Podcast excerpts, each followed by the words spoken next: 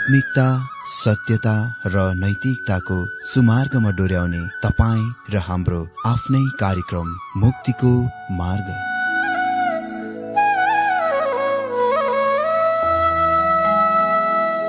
आदरणीय श्रोता यस मुक्तिको मार्ग कार्यक्रममा हार्दिक स्वागत छ। आशा छ यस आत्मिक कार्यक्रमद्वारा जीवनमा आत्मिक आशिष अलौकिक शान्ति र आनन्द प्राप्त गर्नुहुनेछ।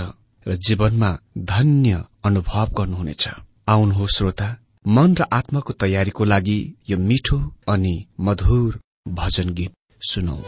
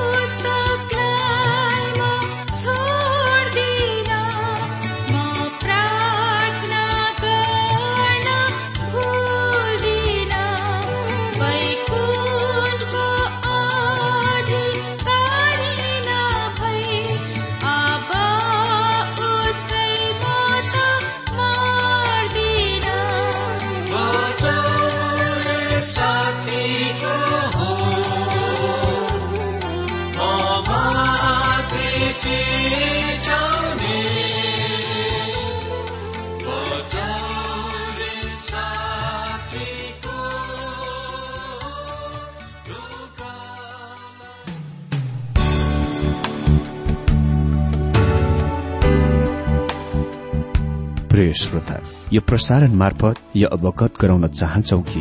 प्रभुको सेवाको लागि यहाँहरूको साझेदारी नित्यन्त आवश्यकता छ। यहाँहरूले प्रार्थनाको साथसाथै आर्थिक सहायता गर्न अनुरोध गर्दछौ। तपाईँहरूको सानो भन्दा सानो भेटी किन नहोस्? हामी प्रभुको नाममा स्वीकार गर्नेछौ प्रभुको सेवाको लागि। तपाईँहरूको यो सानो लगानीले कसैको जीवनमा भिन्नता ल्याउँछ अनि प्रभुको महिमा हुन्छ। प्रभु तपाईँहरूलाई महान गरी आशिष दिनुहुनेछ। इच्छुक श्रोताहरूले तपाईँको इच्छा भेटी हाम्रो ठेगानामा पठाउन सक्नुहुन्छ जुन ठेगाना हामी कार्यक्रमको अन्तमा दिनेछौं। प्रिय श्रोता मित्र प्रभु येशु ख्रिष्टको मधुर अनि सामर्थ्य नाममा मेरो जयमसी तथा हार्दिक स्वागत छ आजको यो बाइबल अध्ययन कार्यक्रममा। धेरै धेरै धन्यवाद तपाईँहरूका सुन्दर पत्रको लागि तपाईँहरूको सहायताको लागि। धेरै धेरै नै म हृदयदेखि नै धन्यवाद दिन चाहन्छु। साँच्चै नै परमेश्वरले तपाईँ सबैलाई धेरै धेरै आशिष दिनुभएको होस्। श्रोता यसरी नै आउने दिनमा पनि तपाईँहरूबाट सुझाव पत्र अनि सहायताको आशा गर्दछौ। तपाईँहरूकै सुझाव तपाईँहरूकै सहायताको तपाईँहरूको प्रार्थनाको कारण आज हामी यो परमेश्वरको वचनलाई निरन्तर अगाडि बढाउने बाँड्ने अवसर पाएका छौं र धेरै आत्माहरू परमेश्वरको वचनमा आशिषित भएका छन्। यसको श्रेय परमेश्वरलाई सर्वप्रथममा अनि तपाईँहरूलाई पनि निश्चय नै जानेछ। परमेश्वरले तपाईँ सबैलाई आउने दिनमा पनि यस्तै हृदय दिउन् यही नै मेरो प्रार्थना छ। श्रोता अघिल्लो दिनमा हामीले यस विषयबाट बाइबल अध्ययन गरिरहेका थियौं कि परमेश्वर दोस्रो मौकाको दोस्रो अवसरको परमेश्वर हुनुहुन्छ। परमेश्वर दोस्रो मौका दिने परमेश्वर हुनुहुन्छ। उहाँले योनाको असफलताको र विफलताको बावजुद पनि उसलाई त्याग्नु भएन। उसलाई छोड्नु भएन। उसलाई पुनः बोलाउनु भयो र उसलाई पुनः प्रयोग गर्न गइरहनु भएको छ। मित्र हाम्रो परमेश्वर दोस्रो मौकाको दोस्रो अवसर दिने परमेश्वर हुनुहुन्छ। आज हामी बाइबल अध्ययन योना तीन अध्यायको दुई र तीन पदसम्म अध्ययन गर्नेछौ। हामी देख्नेछौ कि योना निन्बेमा आइपुग्दछन्। त्योभन्दा पहिले हामी अघिल्लो दिनमा अध्ययन गरेको खण्ड पढिदिन्छु।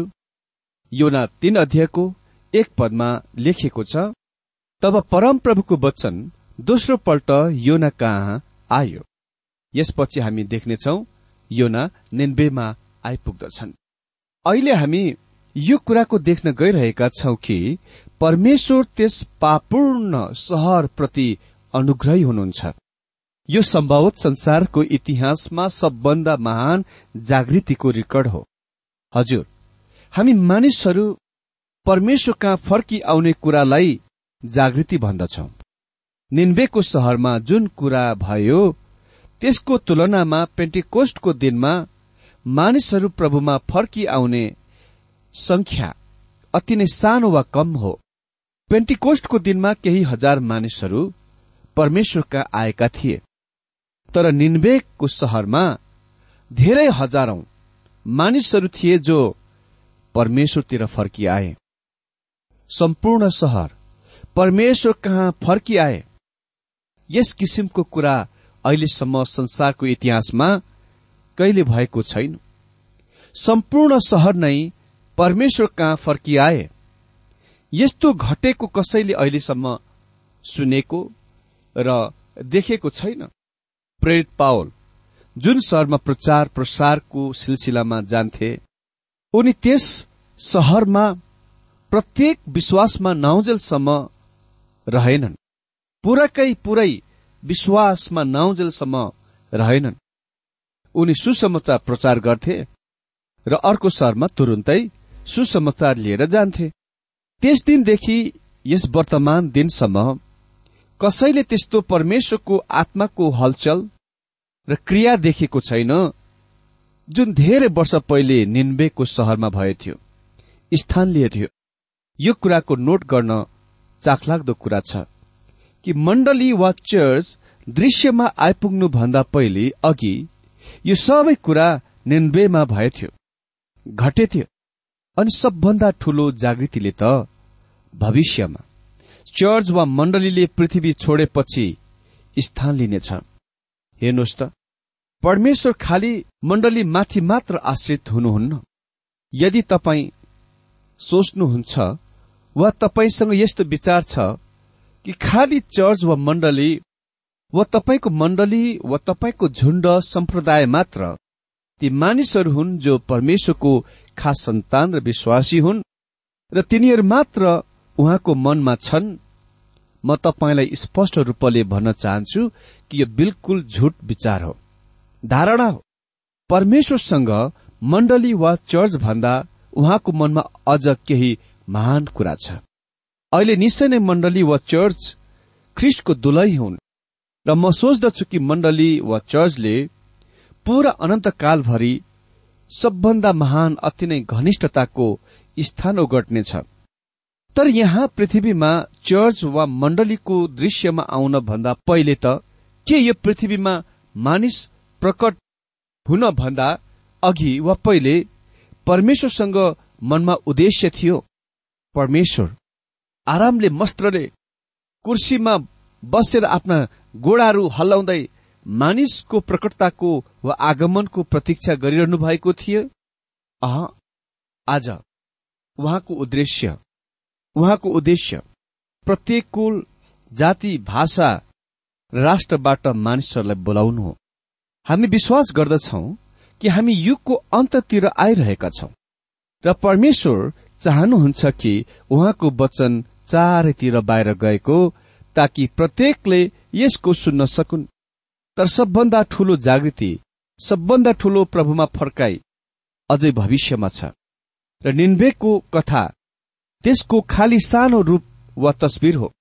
योना तीन अध्ययको दुई पदमा लेखिएको छ योनाले परमप्रभुको वचन पालन गरेर निन्बेमा गए। अब निन्बे एक अत्यन्तै प्रख्यात सहर थियो। त्यो हेर्नलाई तीन दिन लाग्दथ्यो मित्र हामीले पहिले नै भनिसकिएको छ कि निन्बेको सहर अति नै विशाल सहर थियो।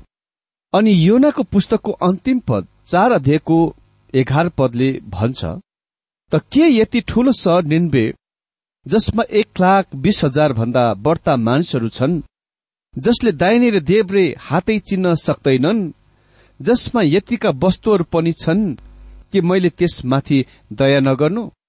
अविश्वासीले योनाको पुस्तकको धेरै कुराहरूमा आलोचना गरेका छन्। अनि ती मध्ये एक यस तथ्यको हो कि यो पुस्तकमा तीनपल्ट यसले भन्दछ कि निन्बे विशाल ठूलो सहर थियो।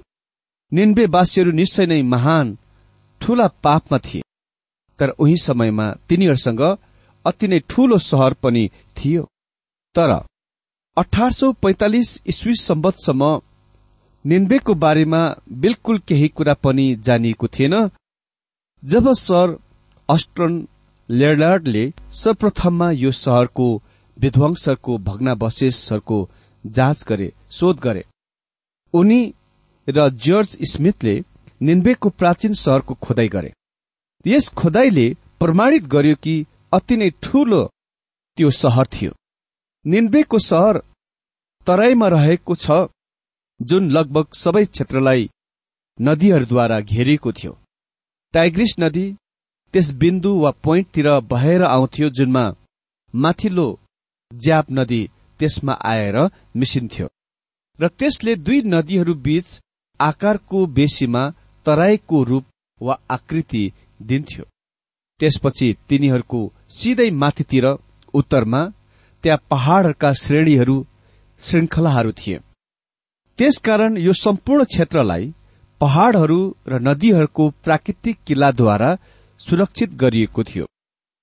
यो प्राकृतिक घेराउमा धेरै विशिष्ट सहरहरू थिए। निन्बे टाइग्रिस नदीको शिरमा स्थित थियो। मित्र निन्बे सहर आकारमा अति नै ठूलो थियो।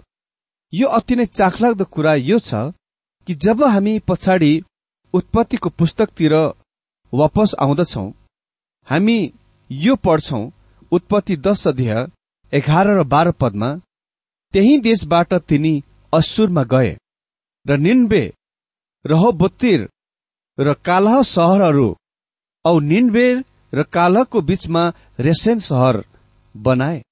त्यो विशाल अति नै ठूलो सहर थियो। पूरा परमेश्वरको वचनभरि यो निन्बे सहरको विशालताको जोड़ दिइएको छ। यो सबै क्षेत्रलाई निन्वेको नाम दिइएको थियो किनभने यो राजधानी थियो। निन्बे ठूलो सहर थियो। त्यो आकारमा ठूलो सहर थियो र त्यसको दुष्टतामा भ्रष्टतामा पनि त्यो ठूलो सहर थियो।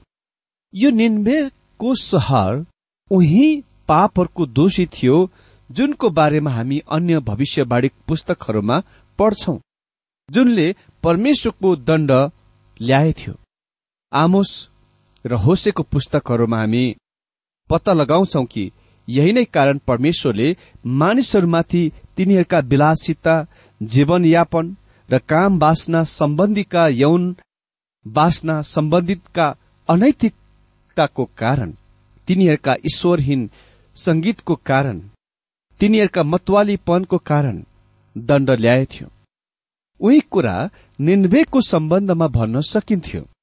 तिनीहरूले आफैलाई प्रतिमा पूजामा आफ्नो क्रूरता निर्दयतामा सुम्पिएका थिए।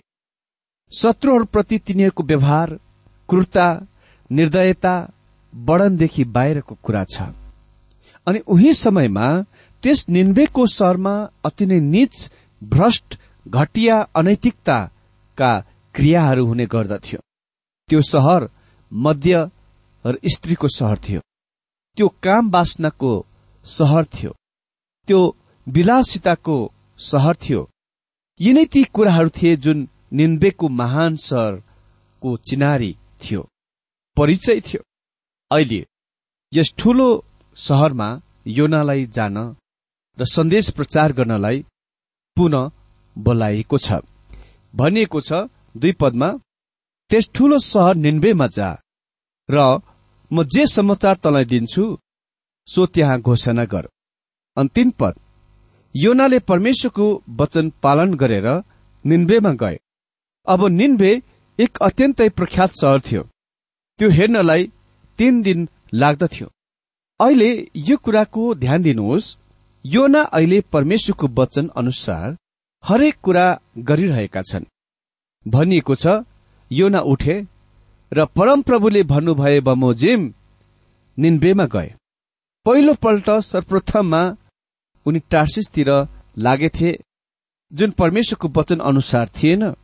अहिले उनी परमप्रभुको वचन अनुसार निन्वेमा गइरहेका छन्। भनिएको छ योनाले परमप्रभुको वचन पालन गरेर निन्वेमा गए। अब निन्वे एक अत्यन्तै प्रख्यात सहर थियो। त्यो हेर्नलाई तीन दिन लाग्दथ्यो। निन्वे ज्यादै ठूलो सहर थियो। त्यो वारपार गर्नलाई तीन दिन लाग्दथ्यो। मित्र त्यो अति नै ठूलो सहर थियो।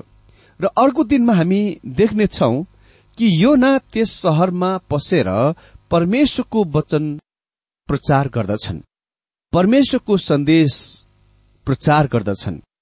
उसले परमेश्वरको त्यस सहरमाथि आउन लागिरहेको दण्डको सन्देशको प्रचार गर्दछन्। उसले यो अहिले अति नै विश्वासयोग्य इमान्दारीपूर्वक काम गर्दछन्। अहिले यो न अनज्ञाकारी र अविश्वासयोग्य छैन। तर परमेश्वरको आज्ञा अनुसार उनी त्यहाँ सन्देश लिएर गएका छन् परमेश्वरको। अनि हामी देख्नेछौ कि उसको सन्देशको परमेश्वरको आत्माले चलाउनुहुन्छ प्रयोग गर्नुहुन्छ र ती सम्पूर्ण निन्वेवासीहरूको हृदयको स्पर्श गर्नुहुन्छ कायल गरिदिनुहुन्छ र परमेश्वर कहाँ विश्वास गर्दै प्रस्तावसहित फर्किआउँछन्। र परमेश्वरले त्यस सहरमाथि आफ्नो दण्ड टाल्नुहुन्छ हटाउनुहुन्छ त्यस समयमा। मित्र यो नै परमेश्वरको काम हो। परमेश्वरको वचनले पापीहरूलाई जीवन दिन्छ। यसले शान्ति र आनन्द मानव हृदयमा दिन्छ। यसले मानिसहरूको जीवन र हृदयलाई परिवर्तन गर्दछ। यदि परमेश्वरको वचनलाई आफ्नो हृदयमा काम गर्न अनुमति दिन्दछ भने। किनकि परमेश्वरको वचनले प्रभु येशुको प्रेम उहाँको उद्धार मुक्ति उहाँको क्षमा उहाँको शान्ति प्रकट गरिदिन्छ। र पवित्र आत्माले परमेश्वरलाई हाम्रा हृदयमा वास्तविक बनाइदिनुहुन्छ। त्यसकारण हामी आज यो वचनको सेविकै गरिरहेका छौं। हाम्रो सेविकैको खास उद्देश्य यही हो कि हामीले सत्यको जान्न सकौं जुनले वास्तवमा सत्य स्वतन्त्रता प्रदान गर्दछ। अर्को दिन हामी नियमित रूपमा अध्ययन गर्नेछौ कि योना फेरि निन्वे सहरमा जान्छन् र परमेश्वरको दण्डको सन्देश प्रचार गर्दछन् र जब प्रचार गर्दछन् त्यसको प्रतिक्रिया सम्पूर्ण निन्वेवासीहरूले दिन्छन्। र तिनीहरू परमेश्वरको दण्डबाट छुटकारा पाउँदछन्। परमेश्वर तपाईँ सबैलाई यो बाइबल अध्ययनमा धेरै धेरै आशिष दिनुभएको होस्।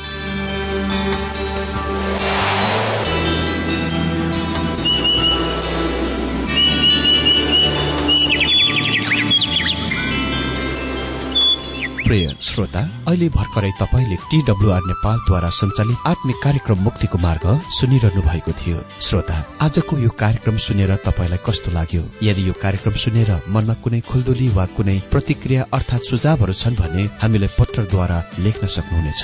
हामी हृदयदेखि नै स्वागत गर्नेछौ स्वीकार गर्नेछौ साथै बाइबल सम्बन्धित प्रचारहरू कार्यक्रम सारणीहरू हामी अनुरोधमा पठाउन सक्छौ। अनि तपाईँसँग कुनै प्रार्थनाको विषय छन् भने हामीले तपाईँको लागि प्रार्थना गरेको चाहनुहुन्छ। भने प्रभुमा आफ्नै परिवार सम्झेर हामीलाई पत्रमा लेख्न सक्नुहुनेछ। तपाईँको लागि हामी प्रभु येशुसँग प्रार्थना गर्नेछौ। अधिक जानकारी र पत्रचारको लागि हाम्रो ठेगाना यस प्रकार छ। कार्यक्रम मुक्तिको मार्ग जीपीओ नम्बर उनानब्बे पचहत्तर एपिसी पच्चिस एकसठी काठमाडौँ। ठेगाना एकपल्ट सुन्नुहोला कार्यक्रम मुक्तिको मार्ग जीपीओ नम्बर उनानब्बे पचहत्तर एपिसी पच्चिस एकसठी काठमाडौँ। हाम्रो इमेल एड्रेस हो TWR Nepal at Yahoo dot com साथै यस नम्बरमा एसएमएस गर्न सक्नुहुनेछ अन्ठानब्बे चार सत्तरी पैतिस छ सय उनासी नौ आठ चार सात जिरो तीन पाँच छ सात नौ। हुन्छ श्रोता आजलाई हामी विदा चाहन्छौ। अर्को कार्यक्रममा हामी पुनः भेट्नेछौ तबसम्मलाई नमस्कार।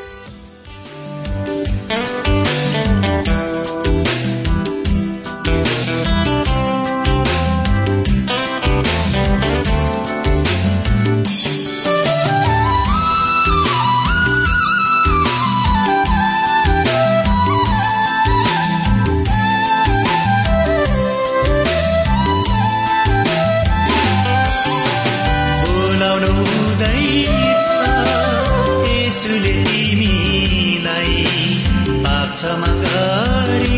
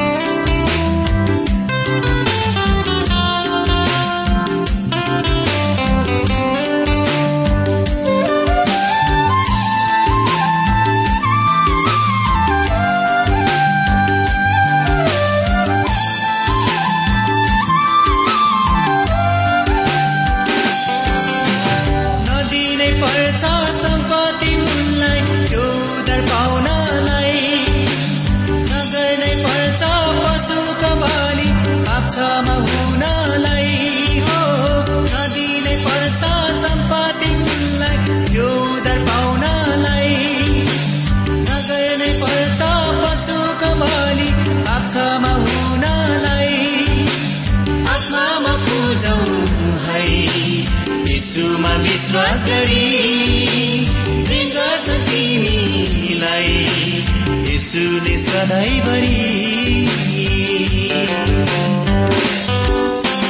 बोलाउनु हुँदैछ यसरी तिमीलाई आप्छमा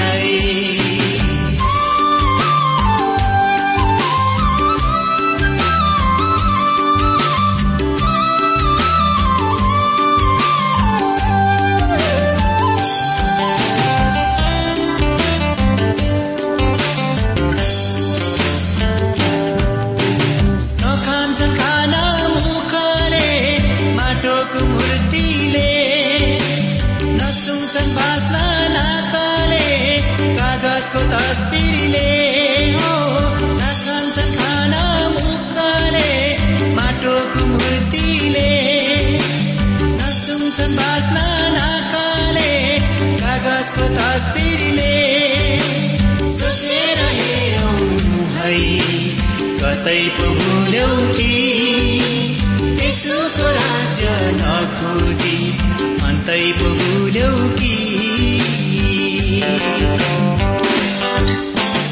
बोलाउनु हुँदैछ यसुले तिमीलाई पाप क्षमा गरी मुक्ति दिना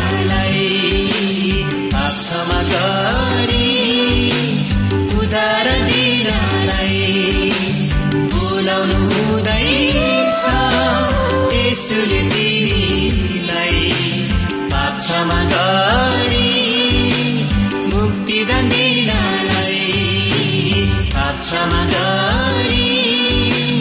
उदार दिनलाई पाप क्षमा